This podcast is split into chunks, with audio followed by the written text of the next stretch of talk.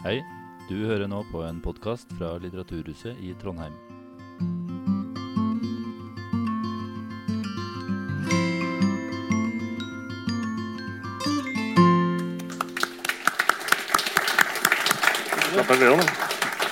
Takk for det. takk for det. Um, og velkommen til en aften via til Rosenborg 1996. Fantastisk tematikk. Ehm, sesongen da alt var mulig. Det blir boksalg, som nevnt, her etterpå. eh, og vi kommer også til å åpne opp for spørsmål fra salen mot slutten. Så hvis dere har noe dere sitter og tenker på, noter den der bak øret, så tar vi en runde til slutt. Eh, I eh, panelet i dag har vi tre legender. Eh, Vi har jo da halve sentrallinja i Rosenborg presentert med en midtstopper som på sett og vis fant ut en ny måte å spille midtstopper på. Noe med noen driblevarianter som man allerede har sett før. Vi har en midtbanegeneral med silkefot som styrte tempo på usedvanlig trøndersk vis, selv om han er fra Rakkestad. Det er helt utrolig. Erik Hoftun og Bent Skammelsrud er, og forfatter av den nydelige boka som vi er for å feire i dag, Thomas Karlsen. Velkommen. Det er lov å klappe. Eh, vi begynner med et eh, fotballspørsmål først. Hvordan er det å eh, stå på Lerkendal og høre Champions League-hymnen? Ja. Nei, for meg så var det større enn Ja, vi elsker.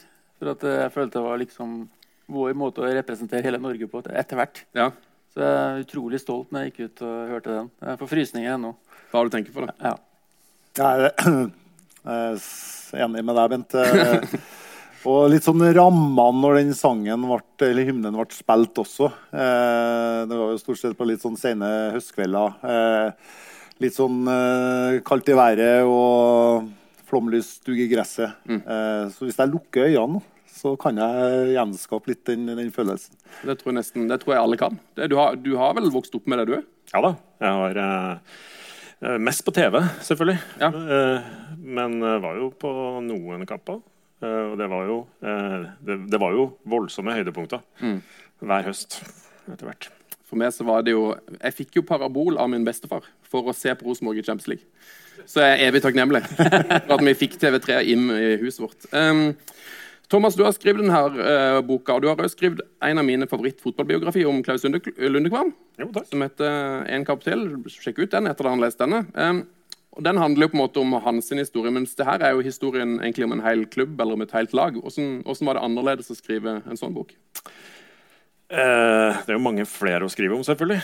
Eh, og, og, men et lag blir jo på en måte en, en litt sånn organisme, det også. Men, men, men det er klart at eh, det er jo forskjell, selvfølgelig, å skrive om en person. Én en, eh, en, en person og et liv og en karriere. eh, kontra det, dette kollektivet, da. Mm. Hvordan, det handler jo mer om hvordan det fungerer sammen, og maskineriet og, og sånne ting.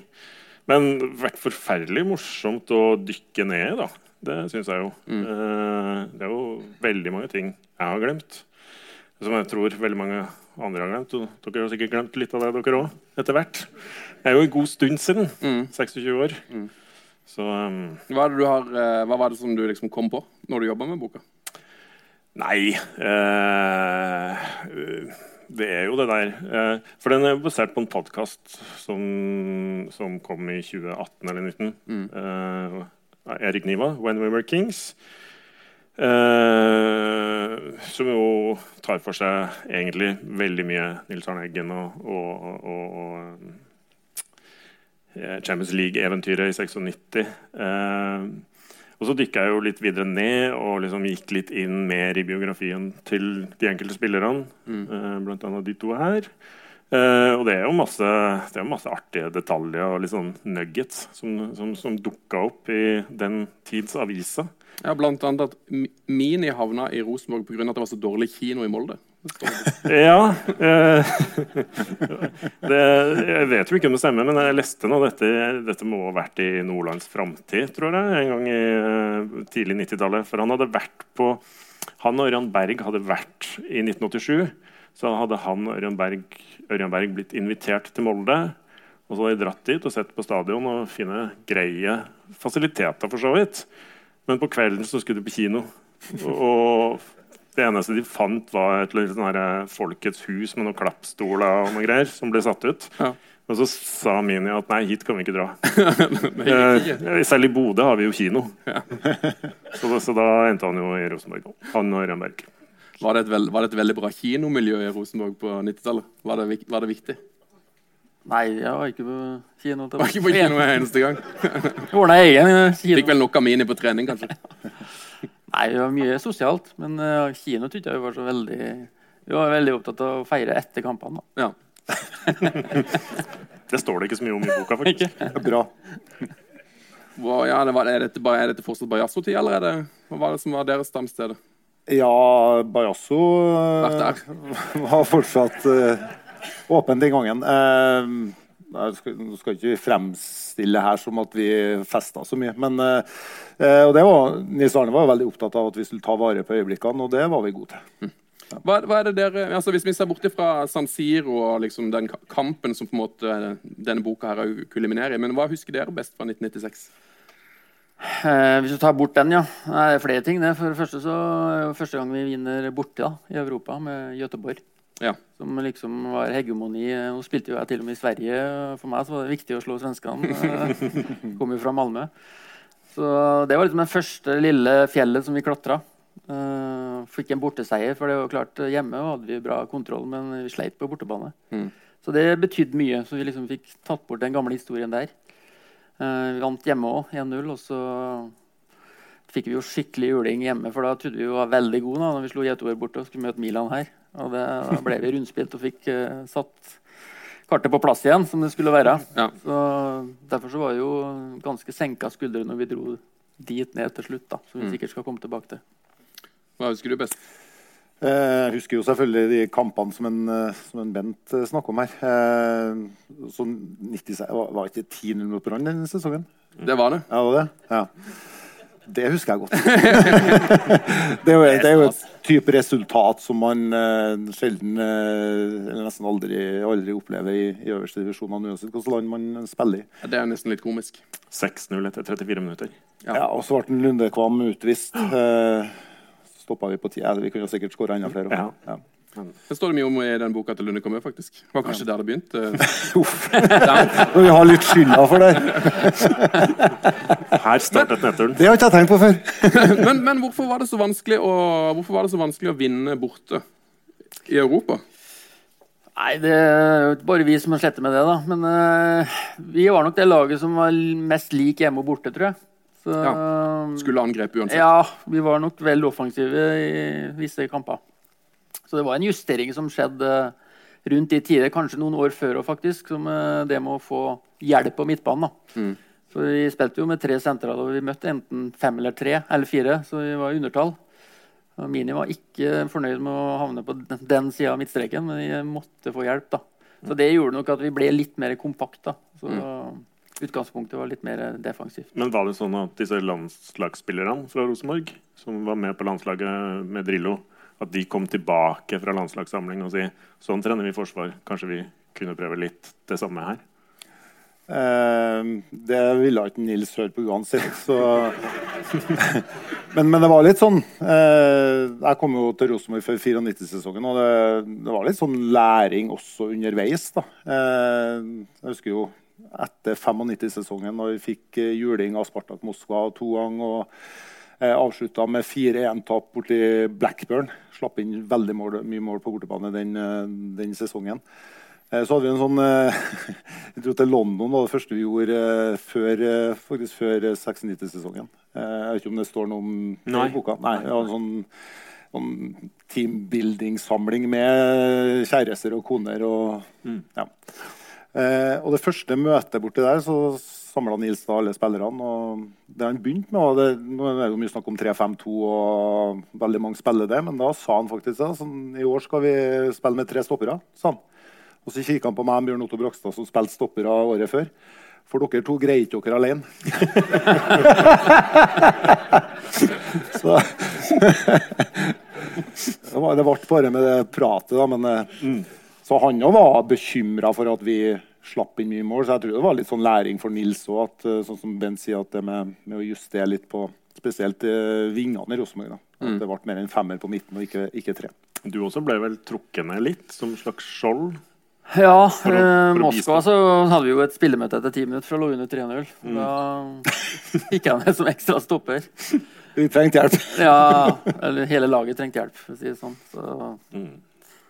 Men jeg var jo defensiv, så klart, jo mer vi ble pressa, til mer nærmere kom jeg stoppeplassen. Eh, Mm. Jeg likte meg jo litt bedre frem i banen, ja, men noen ganger så måtte vi Ja, for jeg, som, som har kommet med for øre at det, var det som var, veldig var det vanskeligste, var vel å få sånn som Mini og sånn til å begynne å jobbe hjem.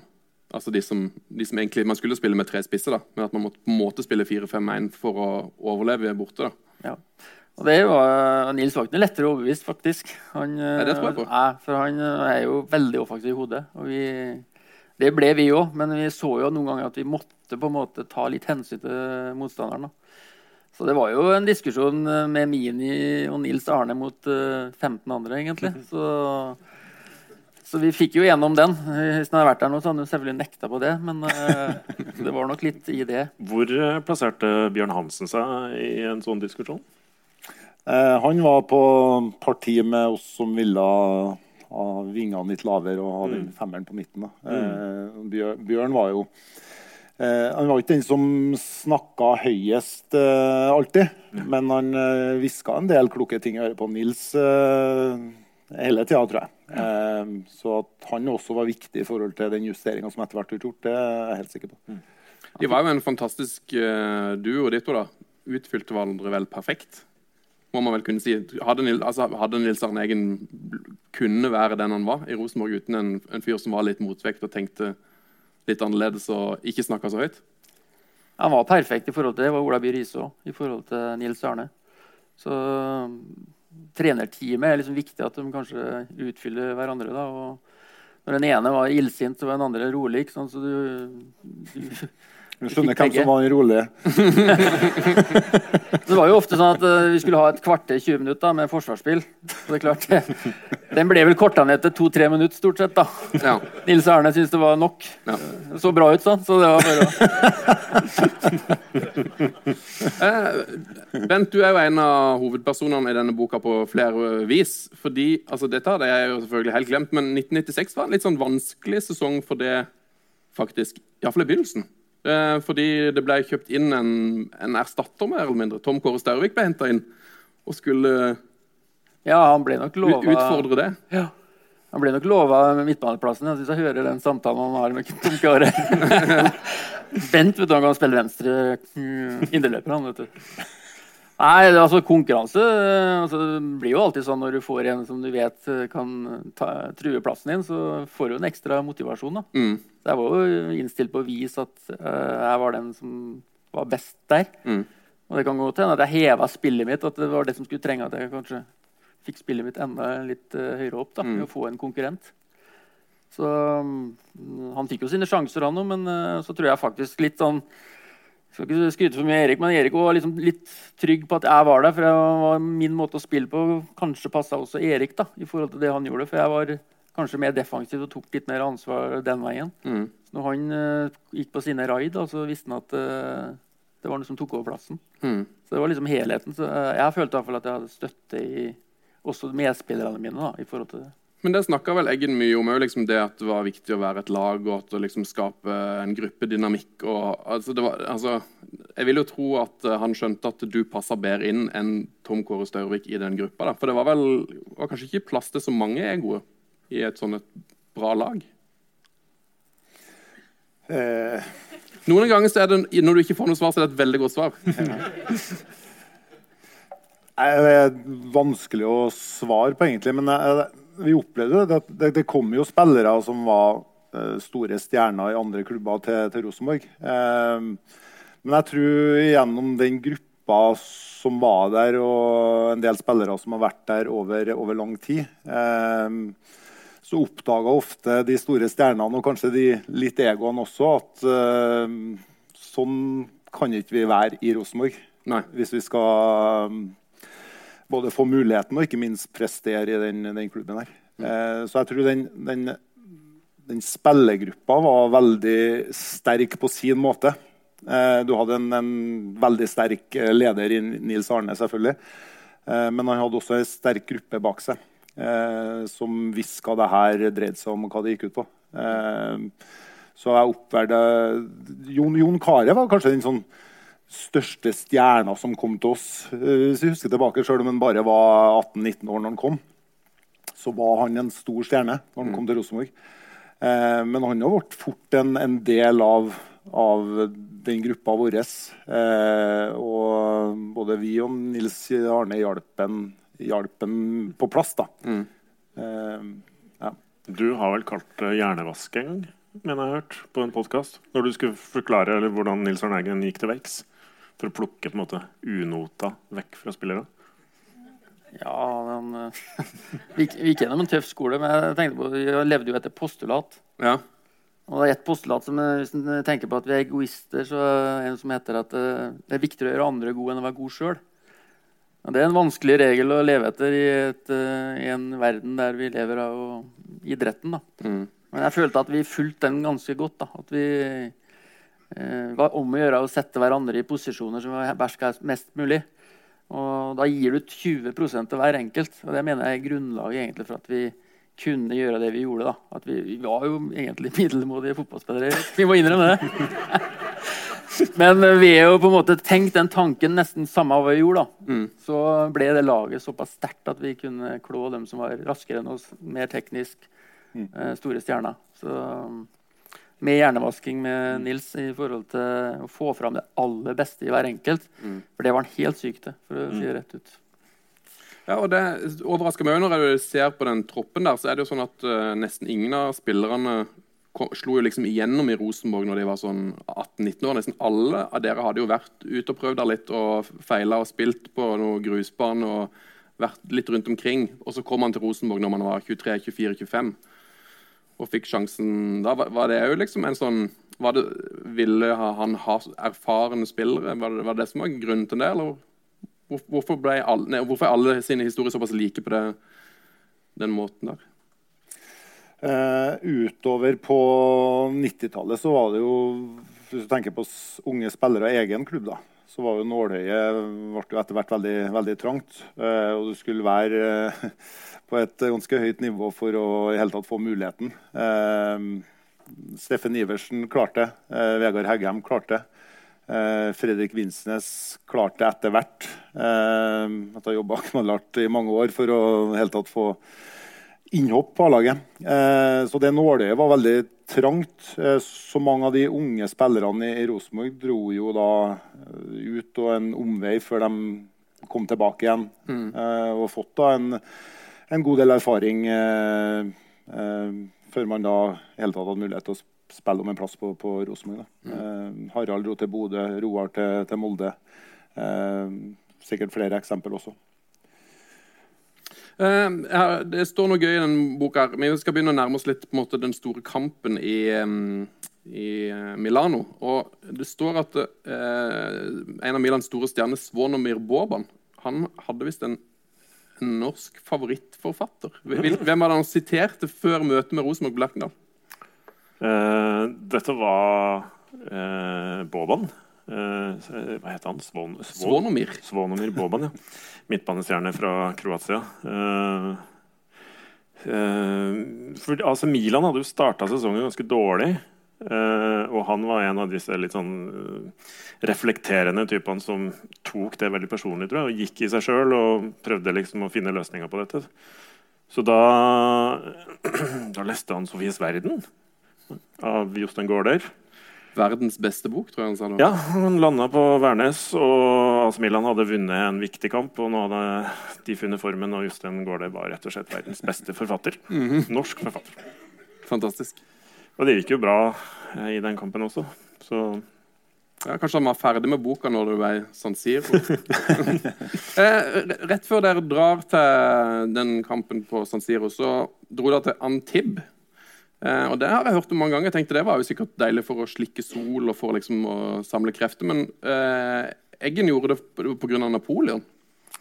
Ja, dette Jeg vet ikke om han har Uh, hvor, hvor, mye han sa snakka om det, men, men, i hvert fall uh, Det var i hvert fall der Napoleon endte og, og liksom stabla sin hær på, på, bena igjen. Mm -hmm. Før han uh, dro mot Waterloo jeg tror ikke han nevnte Waterloo eh, når han, uh, han snakka med dere, men uh,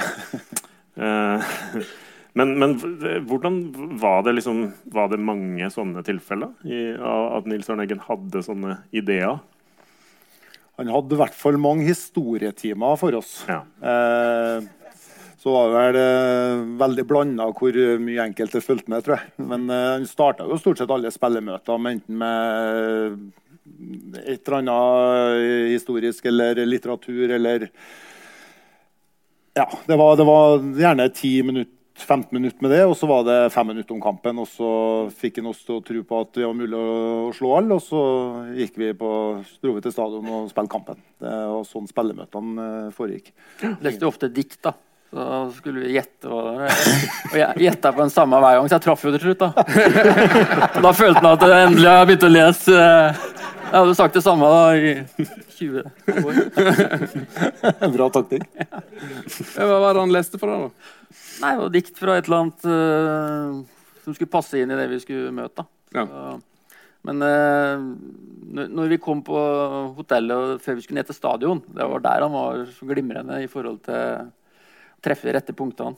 Mm. Så møter du Milan, ikke sant? så var det å få ned skuldrene. Og skulle vi møte Sogndal, så var det liksom å så finne den rette balansen. da. Mm. Så, uh, det er noen ganger han er helt genial, og det er ofte i hver trening. Og så er det før kampene. da. Mm. Så kan du si at uh, han hadde en del å gå på. på vi, vi spilte kampene og skulle bytte. For det var jo den samme Om en forsvarsspiller ble skada, så var det jo en samme som skulle inn. Ja. Det var de samme byttene. Men lærte dere noe om Napoleon i Antibes, eller? Jeg husker ikke, altså. Men uh, det var en uh, artig greie når vi var nede i Antibes før, uh, før den kampen mot Milan. I Monaco så var det en sånn norsk dag eller en norsk uke mens vi var nede her. Står det om det borte, Mm. Arve Tellefsen. Ja, vi var på konsert med Arve Tellefsen. Hele laget. Og så var vi bedt da faktisk på middag til prins Albert av Monaco etterpå. En sjuretters middag inne i en sånn eh, meget fin sal på en eller annen fantastisk bygning i, i Monaco. Eh, dagen etterpå skulle vi spille eh, den siste treningskampen før Milan eh, mot et lokalt eh, tredjevisjonslag fra Nisom-området. Eh, og vi gikk jo inn på middagen der Nils da, i den grønne coachjakka. uh, og begynte å servere da, sju retter. Og det, det her tok jo tid. vet du. Og Nils begynte å bli så på klokka, begynte å bli irritert. Og, og etter fem retter altså, så reiser han seg opp og jager oss ut av middagen til en, uh, prins Albert. Jeg, jeg har aldri følt meg så liten jeg, som da jeg gikk forbi prinsen sånn som her. og det var, det var så pinlig. Men det er sånn som en Nils kan gjøre. Ingen andre. Absolutt ingen andre. Hvordan tok prinsen det? Han, Jeg torde ikke å se på den passerte, så jeg vet ikke han forsto oss, han. Han, eh, var jo, ja, for han var for idrettsinteressert. Så Nils sa jo det at vi skal spille kamp om noen dager, så, som er viktig. Så det husker jeg, for jeg har tenkt det samme som deg. Det er jo flaut at vi skal flaut, ja. gå forbi alle kongelige, og så ferdig hjem, vi nå. Han var flaggbærer i OL på Lillehammer. han. Ja. Godeste. Kjørte Bob? Kjørte Bob, ja. Mm. hadde aldri jeg turt å gjøre, men det er en annen historie. Eh, lagets Odiner. Eh, det ble Roar, eh, Roar Strand kalt, og Leo, de som jobber så hardt. Det var henta fra Olav Dun. Eh, had, var det sånn at alle lagdelene og spillerne hadde kallenavn fra litteraturen? eller? Ja, Otto Bjørn Otto var mer klabb og babb, da. Klabb og babb, ja. Har du hørt rykte om det? Nei da. Nei, jeg ikke. Nei, jeg følte ikke at han hadde noe navn på oss. Han sa jo det samme før hver kamp, for jeg skulle bruke hele aksen. Du skulle bruke hele aksen. Ja. Altså forsvar til angrep, da. Ja. Så det var liksom det, Da skulle jeg skjønne hva det var for noe. Og det gjorde jeg jo etter hvert. da. Men denne Odin er jo en sånn person som ofrer seg sjøl for noe større. Og det var kanskje Ja. det han ja, spillerne ble på en måte indoktrinert til. Det var jo et lag som besto av veldig komplementære ferdigheter, da, som han brukte uh, sjøl. En Roarstrand som løp uh, i 90 minutter. Så, 75, var det ikke? jo, sto, han gikk ut som regel da, men han eh, løp jo i 100 i Ja. minutter. Mm. Og da komplementerte jeg han med kanskje det jeg kunne med ball. Og så hadde du en litt sånn mellomløsning med Nørjan Berg, eksempel, som både løp og var god med ball. Så Mm. vi fy- utfylte hverandre utrolig godt. da, og Det var liksom tanken med staden når vi skulle kjøpe nye spillere. som vi, vi var med på en gang òg, faktisk. Vi kjøpte jo en Frode Johnsen. Det har kjøpt Frode Johnsen. Ja, ja, for treng, Vi trengte ny spiss. Jeg vet ikke om det var Rushfeldt eller om det var uh, Kairo som Ja. for. Ja, Røstfeldt. Ja, og da ble jeg og Erik kalt inn på til Nils, og så spurte han om det var ny spiss. Så vi kikka på hverandre. Ja, det er jo kanskje ikke vårt bord, tenkte vi liksom. Så, men så begynte vi å tenke etter, da, for han tydeligvis mente alvor. Og så kom vi fram til at jeg visste at uh, Frode var en veldig ålreit fyr.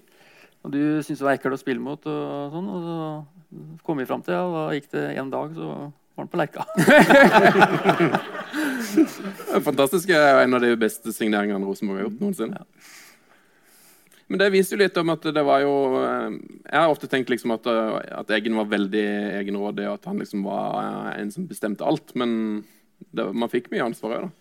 Det var, det var litt sånn med Nils at han sa jo alltid har ingenting å si hvem de gode ideene kommer fra, bare de kommer fra meg. Ja. Eller var ikke det han sa, men det var det jeg mente. Eh, så vi kom jo med mye innspill til Nils, vi. Men som regel så var han uenig i det vi sa. Eh, og så dro han, eh, kjørte han, satte seg i bilen og kjørte hjem til Orkdalen etter trening. Eh, kom tilbake dagen etterpå. og da da var ikke den ideen vi hadde dagen før, så dårlig likevel. Men da var det på en måte, da kom den litt fra han, da, og ikke fra oss. Så han, eh, han var, han, På sin måte så var han en god lytter. Det går an å si det på den måten. Ja, altså Det endra seg veldig fra 91, som jeg kom, da, og til slutten 2002. I forhold til akkurat det. For det var nok uh, vanskelig å banke på døra i 91. Mens han brukte mer spillerne i forhold til uh, hvordan vi skulle gjøre det, og sånn, og hørte på oss. da. Og da fikk vi jo et utrolig eierforhold til det. Altså, når vi kjøpte Frode Johnsen, da, da, skulle vi få til at han skulle fungere. Vi har vært med og bestemt det, til og med. ja, genialt. Så du får jo en sånn eh, følelse på at det her må vi klare sammen. Mm.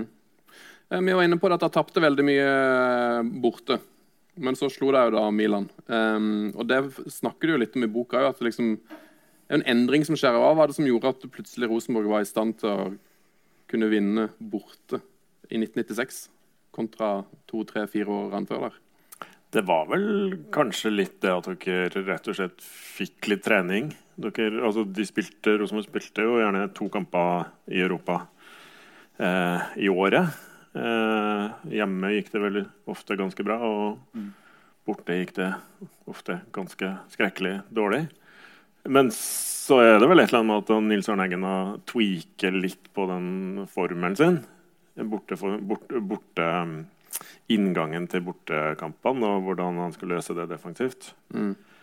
Så, så jeg, jeg har jo lurt jeg, kan jo, jeg vet jo ikke så mye om det, men, men eh, om hvor mye Drillo liksom hadde å si her. Altså at, at, at Eggen så at dette funka eh, på bortebane Mm. med Norge. Og, og om man liksom tok læring av det. Og, ja. Ja, det kan godt være, men at vi, vi spilte litt annerledes utover eh, høsten 96, og spesielt Milan enn tidligere. Det gjorde vi. og husker målet til en uh, seiersmål til en Vegard òg. Så ligger jo Harald som en del av midtbanefemmeren når han vinner ballen der. Mm. Uh, og spiller en, uh, spiller en Vegard gjennom.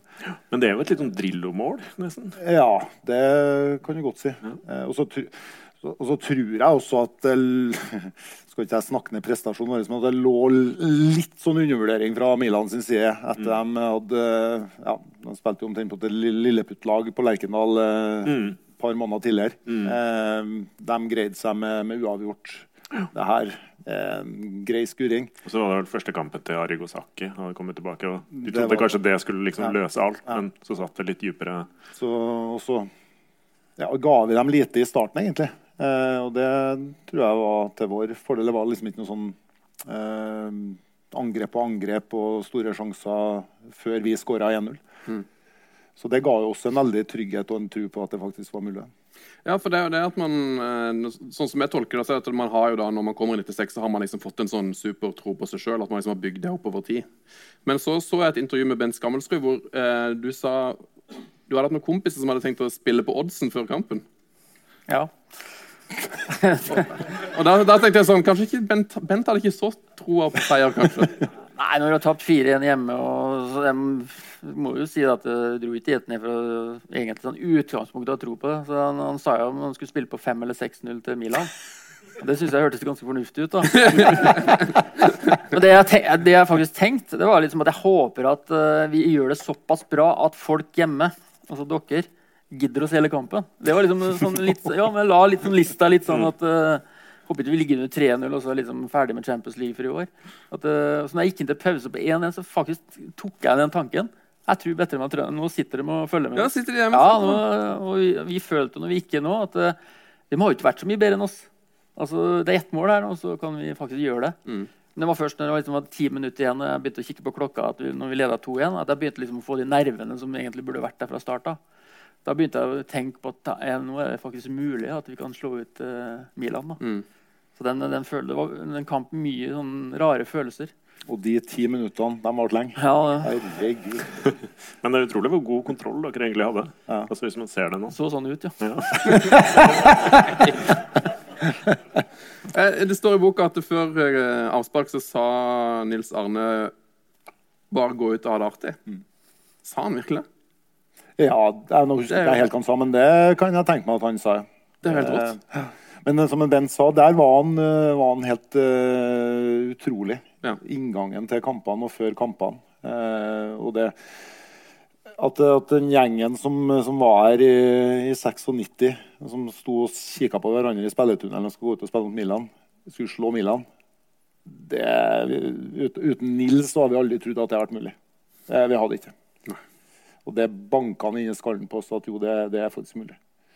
Det er som en Bent sa, skal vi skal vi spille på 5 eller 6-0. Det ja. Ja, på tull, da. Men eh, var det. nei da. Ja, altså, eh, det kan jo være noen her som ikke har sett kampen eller husker den, men Rosenborg vant den kampen. 2-1. Hvordan, hvordan føltes det?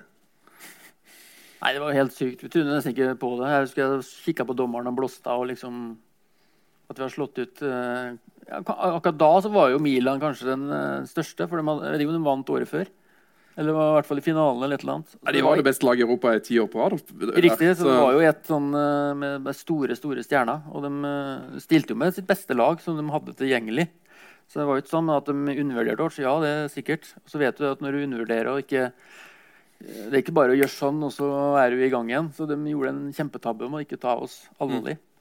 Men det som er viktig med den kampen, egentlig, som du ser hele historien etterpå, det er at da hadde vi klatra på et fjell som eh, på en måte var så høyt at da, etter det så husker jeg frykta egentlig ingen. Nei. Så liksom, Jeg var så skuffa når vi tapte Real Madrid borte. så Vi var skuffa da òg. Altså, du kom til et steg i, Vi var så hjernevaska at uh, vi trodde vi kunne slå alle. Jeg trodde vi kunne vinne Champions League. Mm. Ja, Det høres litt rart ut, men eh, hvis den uh, sluttspillet hadde vært i august istedenfor uh, februar-mars, på vårt beste, så hadde jeg tro på det. Hvordan opplevde du det? da? Nei, litt det samme. Og også den, den respekten som andre lag fikk for oss etter vi slo ut Milan. Eh, spesielt på Lerkendal. Eh, der kom lag og var fornøyd med, med 0-0, egentlig. og, jo, men også, også gode lag, altså. Ja, ja. Ja. Så um, både det at vi sjøl fikk en ekstrem tro på at alt er mulig, samtidig som det gjorde også noe med, med lagene som vi møtte etter hvert. Da. Så Nei, jeg hadde en sånn samme følelse som deg, Bent. Det var ikke å tro når, når, når dommeren blåste av og vi faktisk klarte. Altså. det. I desember. Og en og en halv måned etter serien eh, i Norge var ferdig mot et, et lag da, som var midt i sesong. Det var litt snakk om at du, du var litt aktuell for Napoli rett etterpå. Mm. Hvor, hvor nært var det? Var Ja, det var veldig nært. Ja. Ja. Men var det Ville du da vært fornøyd med å liksom dra fra Rosenborg på det tidspunktet? Nei, det var jo en av årsakene til jeg ikke dro.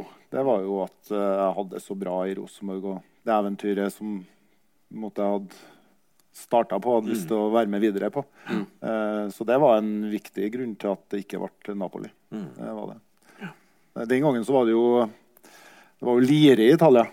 Og når eh, jeg og Rune Hauge var forhandla med klubben, så hadde vi en sånn gigantisk kalkulator med et svært vindu.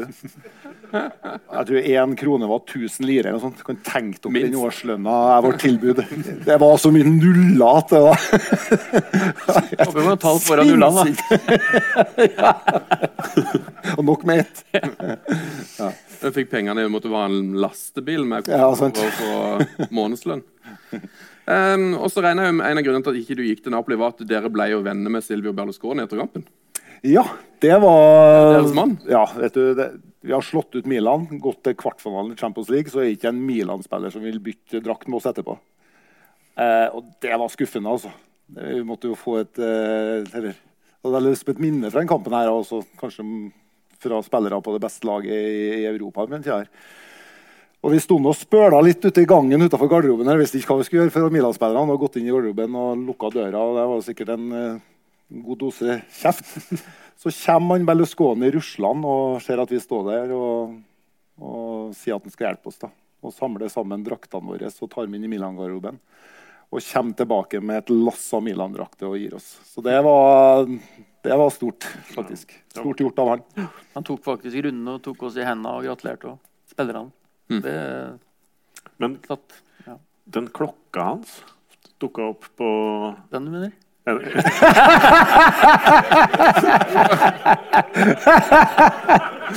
var hans, ja. Den er faktisk uh, deres uh, fjerneste. Det er fra 96. Det er det, ja? Ja.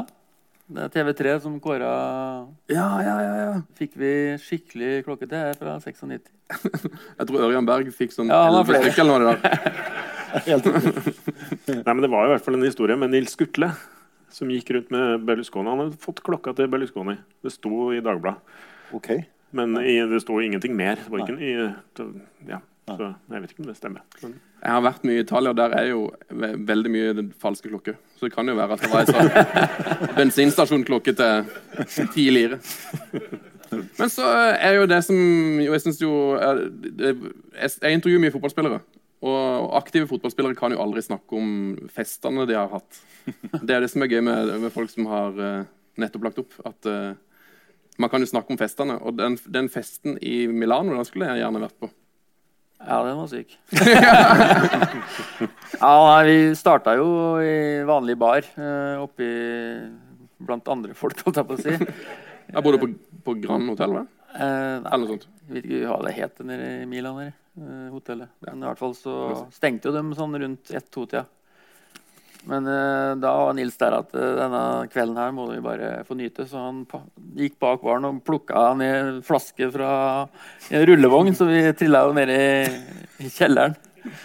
Så det ble en uh, sein eh, kveld. Eh, tøff kveld. Men eh, hvis ikke vi skal feire da, så føler jeg at da kan du aldri feire. Ja, da må det være lov å feire. Ja.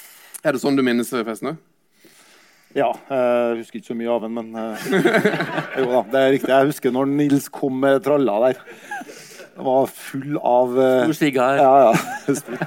Men, eh, men jeg husker også en. Før vi kom så langsomt til festen, så skulle vi jo forlate eh, San Siro. Og bussene var jo parkert nede i kjelleren. Eh, og det var mye rasende Milan-fans som hadde samla seg utafor stadionet der bussene kom. Eh, og vi ble holdt igjen ganske lenge nede i garasjen her for vi fikk lov til å kjøre. Eh, så Milan-bussen kom, eh, kjørte opp først. Og da ble det kasta både steiner og flasker og det som var på bussen. Og så kommer vi like bak, så står de og applauderer oss Milan-fansen. Det, det husker jeg var et, et stort øyeblikk. Bent. Da sto Inter-supporterne på ene sida, husker jeg.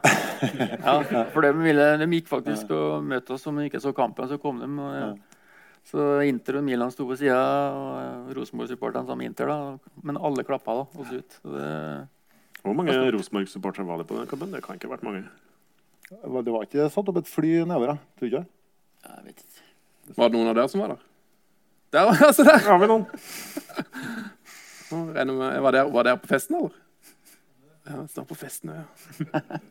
Og så um, vet jeg jo at eh, jeg har hørt eh, noen sitat om denne kvelden. og det, uh, Harald Martin Brattbakk sa at det var ikke en dråpe alkohol igjen på hotellet. Det synes jeg er bra.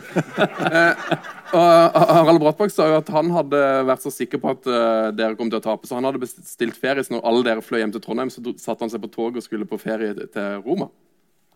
Så, men han fikk ikke med, med seg den uka med fest som var når dere kom hjem, for det var vel ikke fred å få når dere kom hjem heller. Nei, det var stort å faktisk lande Da følte vi oss som stjerner for første gang følte jeg når vi landa og det, dere holdt jeg på å si, møtte oss på Værnes da, Mm.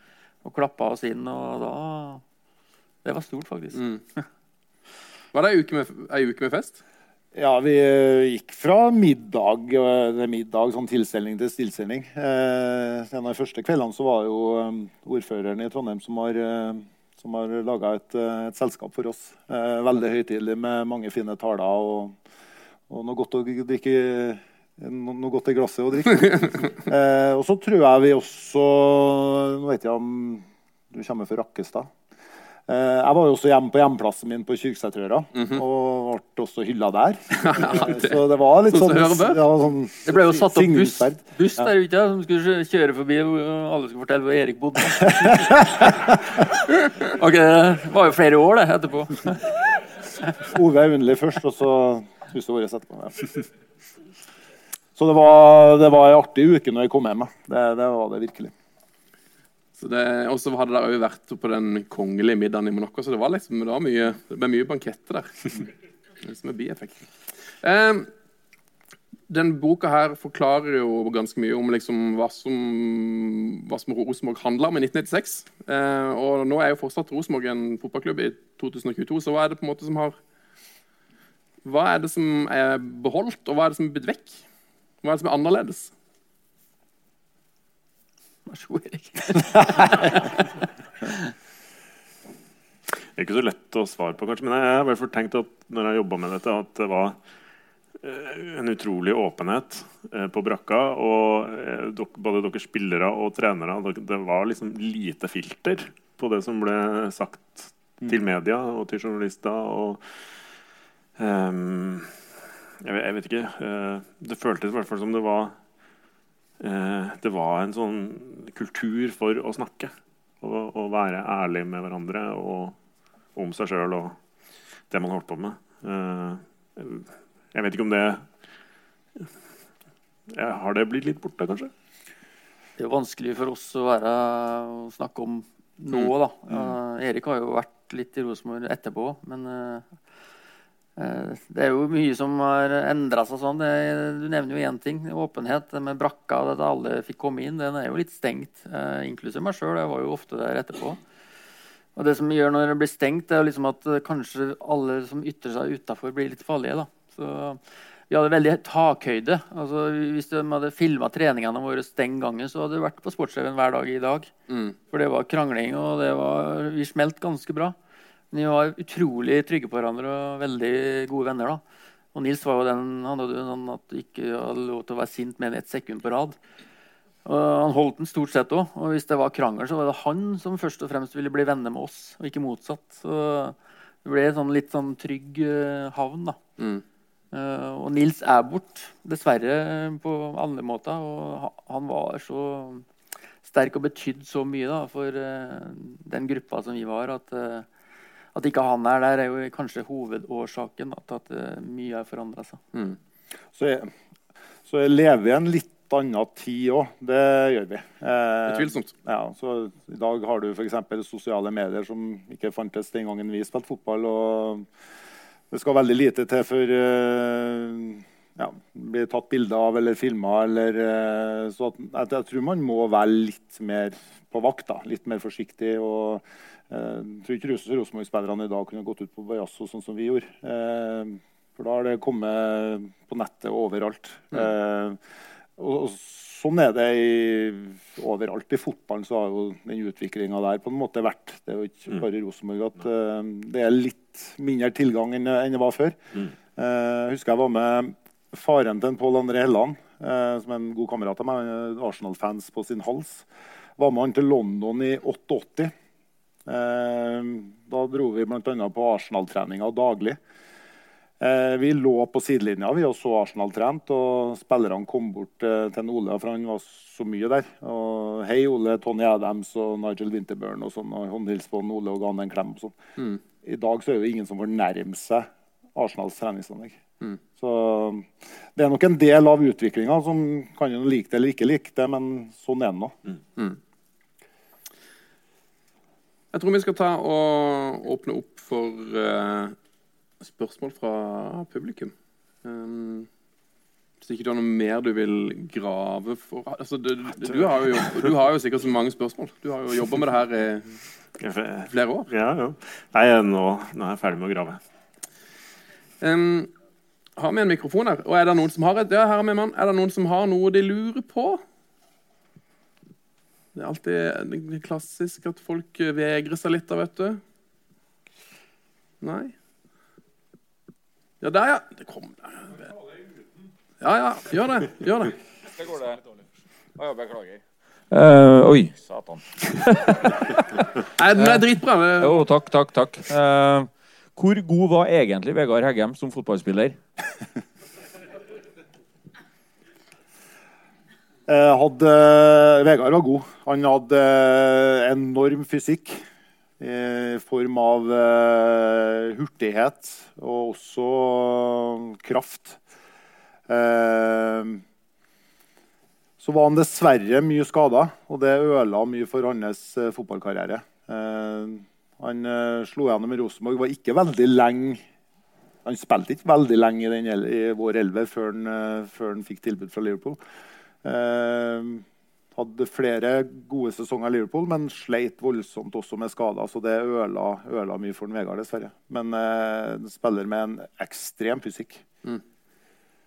Vet ikke om du skal Nei, jeg er enig. Vi var, så, var ikke så lenge her, som du sier. Men han øh, gjorde jo den rolla han hadde, til noe eget. og Fikk jo vist fram det så godt at han havna i Liverpool. Så klart han, øh, du havner ikke der uten å være god. Uh, her er til deg, Erik. Uh, du var jo med på hele suksessen til Nils Arne. Og så var du jo sportssjef i den perioden da man for og leita ut i ørkenen etter uh, andre oppskrifter. Eh, og så var du med sammen Kåre og gjenskapt Rosenborg, på en måte. Kan du si noe om dette her? For vi som følger Rosenborg og støtter Rosenborg, har jo ofte en følelse av at det er litt ørkenvandringer. Og nå er vi på 3-5-2. Altså, kan du si noe om dine tanker om det, selv om jeg skjønner at du ikke har lyst til å si noe, du skal være venn med alle og alt det der, men kan du si noe om hva du tenker om det? For det, det er ganske viktig, da. Utrolig bredt spørsmål, da. du kan svare. Her kan du svare hva du vil. Ja. Eh, nei, hva jeg tenker om det? Eh, for Nils Arne så måtte jo, måtte jo være slutt en gang. Og den slutten bestemte han jo sjøl i, i, 2002, samme året som, som, Bent måtte gi seg. Eh, og klarte å finne da en som skulle ta Rosenborg videre med, en, eh, med, å, med, å, etterfølge en trener med så stor suksess, og i tillegg en så stor personlighet som det Nils var det, si så, Jeg misunner ikke dem som satt i styret den gangen, som skulle ha lete etter hans etterfølger og, og ta helst av Rosenborg et steg videre. For det var ingen enkel oppgave. Eh, ikke i hele tatt. Eh, nå landa de på noen Åge Hareide Eh, første året. Eh, og Han kom jo inn og gjorde det, gjorde det veldig bra. Han lyktes ikke med å ta laget til Champions League, men ellers så, så hadde, jo, hadde jo en veldig god sesong. Eh, men så ga jo han seg veldig fort. Eh, og så begynte man da å peke på, på, på assistentene en, en periode. Eh, så, så um, for å si det sånn, den, den, oppgaven som de som skulle finne hans etterfølger, den, var, den oppgaven var ikke enkel. Og jeg har ikke noe sånn Hvis jeg skulle ha sittet i den posisjonen i 2002 eller 2003 eller 2004, så vet jeg om jeg har noe andre eller bedre forslag enn dem som ble ansatt. Det var, det var en fryktelig vanskelig øvelse. Eh, og så kom han jo tilbake igjen i 2010. Eh, etter Erik Hamren har vært der og hatt, uh, hatt veldig suksess i hjemlig serie. Uh, uten, å, uten, å, egentlig lykkes i, i Europa. Og det ble et, et, interessant halvår med Nils. men det hadde gått åtte år siden han sist var på, på feltet. og istedenfor da å, å, gå inn på nye, nye år med Nils, så, så bestemte jo klubben seg for å gå i en, i en annen retning da, igjen. Da. Eh, om det var rett eller ikke rett, det får han aldri noe svar på. Eh, men det var nå en avgjørelse som var tatt, og en avgjørelse som, som klubben sto fast ved på den tida. Eh, ja. Nei, det, det, det er veldig sånn Litt vanskelig å gi et sånt enkelt svar på et så omfattende spørsmål, egentlig. Jeg synes det var et godt svar. Og så forstår jeg jo nå at det var ikke bare Eggen som skulle erstattes, det var jo Bent Skammelsrud. Så det, det blir jo på en måte Da blir det jo nesten en umulig oppgave. Eh, flere spørsmål? Eller skal vi Der har vi en.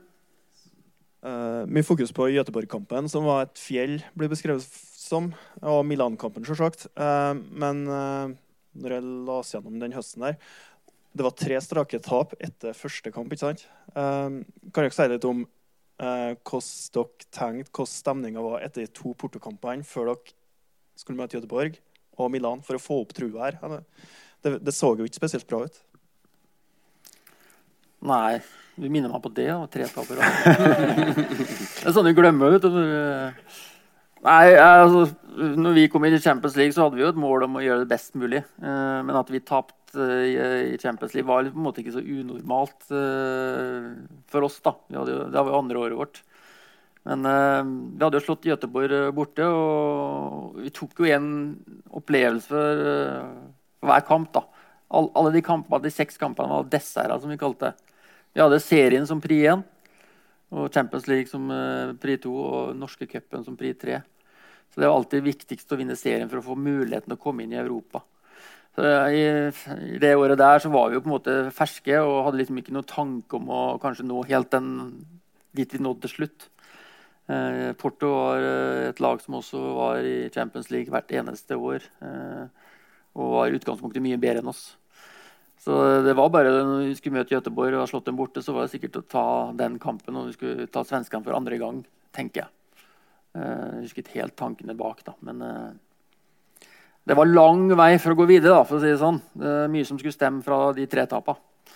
Så vi måtte jo slå Göteborg, og det, det gjorde vi. Og da visste vi at uh, når vi summerte alle kampene her da, så hadde vi muligheten til siste kamp. Og det var alltid liksom målet vårt. At vi skulle ha noe spill for den siste kampen. Og det hadde vi jo da i 96. Mm. Ja, ja.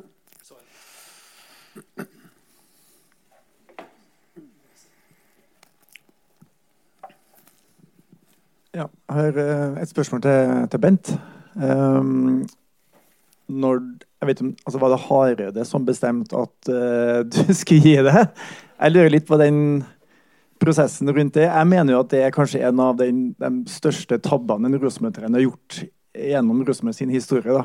At du tar bort den, kanskje den viktigste bindeleddet eh, i Rosenborg, som jeg mener det var. Uh, Eh, og så lurer jeg litt på hva, hva var det som skjedde egentlig der? For du kunne sikkert spilt i mange år til. Eh, og jeg kjenner ikke hele historien og kunne likt å høre litt mer om den. Ja øh, Jeg hadde jo For det første så kom jo Åge ganske tidlig, for det var jo klart at Nils skulle slutte. Eh, Kontrakta mi gikk ut, og han var med oss ja, to-tre måneder, tror jeg. var på og hadde ett møte med oss. og Da bet jeg merke i at alder ikke hadde noe å si, bare var god nok. Og det ga meg en veldig motivasjon den høsten her. For jeg hadde ikke tenkt å gi meg, for å si det rett ut. Og det gikk bra den høsten. Den høsten var en av de bedre, for jeg fikk den lille gulrota ekstra. Og Eh, I den perioden her så ble jeg jo litt sånn Når skal Rune ta meg opp, så vi liksom blir ferdig med den kontrakta, så vi liksom kan se fremover? Det var liksom tanken, Men den skjedde aldri. Så det gikk en sånn liten uh, tanke gjennom huet mitt at hva er det som skjer? Og så spurte han Rune skal vi skal skal vi bli ferdig med det, og da var han unnvikende. Og da kom det også en liten sånn tanke hva, hva som skjer. Men uh, jeg hadde liksom ingen tanke på at det var slutt. for jeg liksom... Uh, jeg hadde jo liksom bevist det jeg skulle bevise overfor Åge, og jeg var motivert for videre. Så jeg ble kalt inn. da, Det var jo da tre dager før eh, siste kampen min mot Lyon. Og da gikk jeg opp uh, trappa, og så banker jeg på døra. og Da sitter jo Åge og Rune Bratseth og Ola By der. Og når jeg kommer inn, så kikker alle de tre ned i bordet. Og da kjente jeg at uh, Nå er det slutt. Og da gikk det masse tanker gjennom hodet mitt. og Hva jeg, hva jeg svarte på det, vet ikke jeg. For da, da gikk liksom uh, hele karrieren i revy. Og, var, og når jeg kom ned trappa etterpå, så sto det jo fire journalister med, med og jeg skulle svare på så Jeg husker jeg svarte veldig fornuftig. Jeg, liksom, jeg skjønner klubben. Jeg skjønte jo ikke klubben. jeg skjønte jo ikke det der. Men jeg måtte jo liksom fremstå som på en måte at dette var nesten jeg har vært med og bestemt sjøl. Så øh, det var veldig spesielt øh, å kjenne på. da. For det liksom, det var, Jeg fikk liksom ikke noe forvarsel, og så var det liksom å knipse, så gikk, var karrieren slutt. da.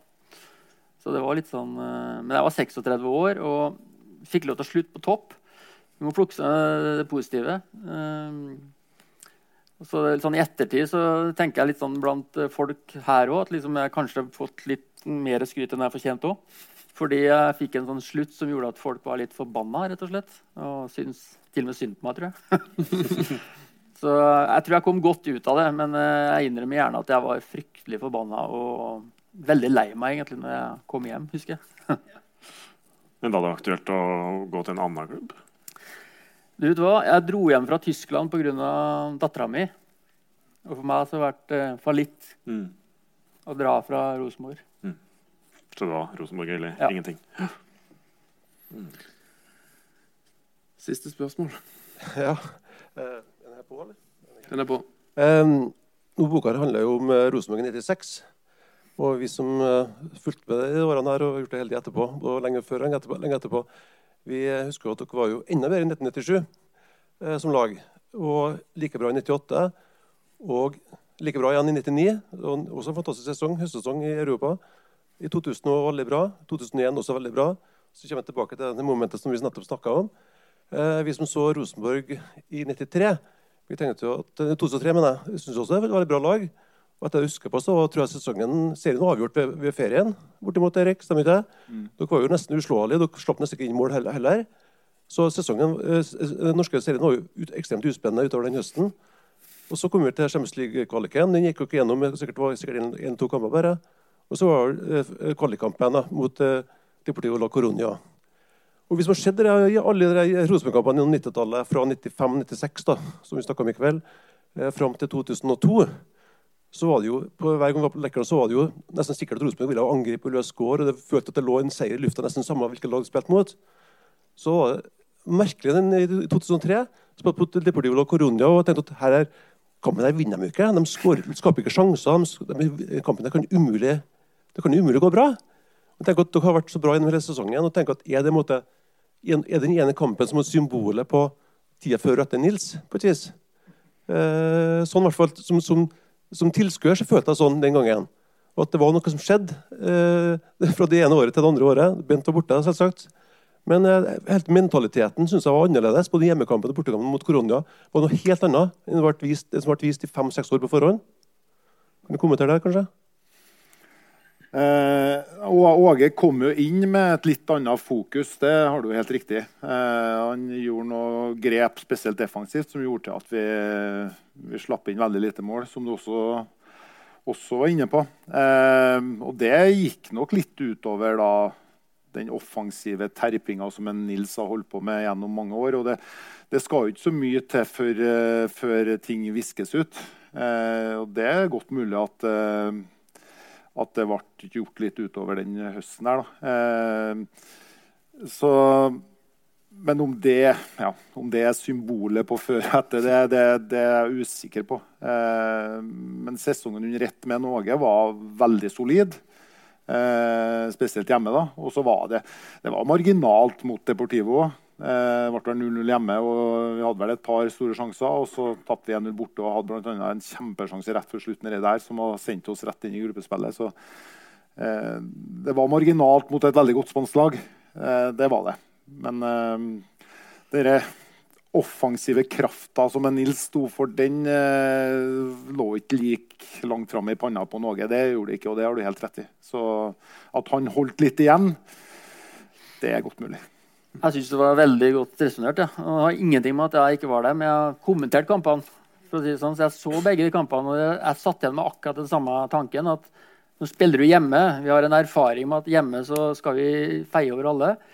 det ble veldig ballbesittende, litt sånn forsiktig. Altså, det var en, du skulle liksom hvile med ball, var, vet jeg var en sånn liten tanke. At vi var litt for offensive. Vi, men det var liksom Rosenborg. Og det var det som vi plaga motstanderne med på Lerkendal òg. De ble plaga, plaga, plaga med den der fremoverfotball. Så jeg, jeg synes det er godt, eh, for jeg tenkte det samme. altså Nå skusla det bort. for var, Dere var bedre enn Deportivo i mine øyne den gangen. Og det var et godt spansk lag som gjorde det bra, ja. Men det var de kampene der som vi, vi, vi tok da, når, eh, når, vi spilte Rosenborg og var eh, veldig på, spesielt på hjemmebane. Så ble det bedre på bortebane enn det jeg var med på. Men jeg, jeg syns det var bra tanke, det du sier. Ser det er faktisk fortsatt en god del hender. Det er typisk at folk begynner å våkne til etterliv. Bare for, bare for å fullføre det. Vi gikk jo til Uefa-cupen eh, det året der. Og Da møtte vi jo Røde Stjerne, blant annet. og da var det litt det samme, 0-0 på Lerkendal. Og så klarte vi å holde null borte og skåra ett mål. og vant 1-0 sammenlagt. Så ja. Det, du er inne på noe, vet du. ok, Vi skal ta et siste spørsmål, så skal vi, kan dere heller komme og prate mer etterpå. Men eh, siste spørsmål. Litt tilbake til den 96-97-sesongen og kvartfinalen mot Juventus. Uh, for oss som så den kampen der nede, så var det jo en uh, løpsmaskin av en annen verden dere møtte. Og det kom jo i ettertid frem en del ting rundt Juventus, både med hensyn til doping og kampfiksing og forskjellige ting. Hadde dere noen gang en oppfatning av at det kunne være spillere som løpt mer enn det som normalt var for fotballspillere? Ja, det, men samtidig så fikk vi jo høre det du sier nå, så da ble 1 pluss 1 2 til oss òg. Det var jo ikke noe jeg tenkte på når vi spilte, nei. Men uh, når, når, målingene kom og ryktene gikk, så Vi var faktisk fysisk en av de, best trente, følte jeg, når vi spilte òg. Og der møter vi overmennene våre der òg, og da ble det tøft for oss å gå videre. Men uh, det var ikke noe vi verken skylda på eller uh, følte når vi spilte, så vi, vi, tenkte ikke på det. Men uh, det ble sagt i ettertid at de kanskje gikk på noen stoffer som ikke burde ha gått på. Men det var ikke kampfiksing, Erik? Du, har, du hadde ikke tatt imot noen penger for å ta på en kamp? Nei. Nei. Jeg husker så godt en situasjon med en Del Piero i den kampen der. Eh, han var en meget bra spiller. Han var god. Fikk noe ekstra påfyll eller ikke, så var han en god spiller. Og han eh, brøyt gjennom på ut, ut høyre, blir det vel, da jeg spilte venstre stopper. Eh, og jeg rekker akkurat å slenge ned foten før han skal slå inn foran mål. Og han slo ikke inn, han kjørte av den innleggsfinta. Og jeg, kommer, jeg er ganske treg, da, men jeg klarte å komme meg opp igjen når han var på vei tilbake. Og får igjen slengt meg ned og blokkert innlegget. Så kjører han den finta en gang til. Og jeg kommer meg opp for tredje gang og er på vei ned igjen, og da tupper han ballen gjennom beina på meg, og sender forbi. så det, det sitter i, altså. Ja. Men jeg prøvde. Du prøvde. Hvor var og... du hen, da? Du skulle være sikring. du kikka på deg, da flirer jeg sikkert. Og så tror jeg det er veldig mange her som er takknemlige for alle de gode minnene. For de har det vært helt utrolig mange. Så um, Bent og Erik, tusen takk. Og ikke minst Thomas, gratulerer med en fantastisk bok. Den er nå til salgs her. Den kan dere få uh, signert. Um, så da gjenstår det bare å si tusen takk for at dere kom. Uh, før dere skal avrunde, så vil vi gjerne takke for at dere ville komme og ha denne samtalen her i forhold til boklanseringen. Og så vil vi gjerne gi dere en kaffekopp hver. Oh, av Litteraturhuset. Fantastisk. Jeg samler jo på kaffekopper.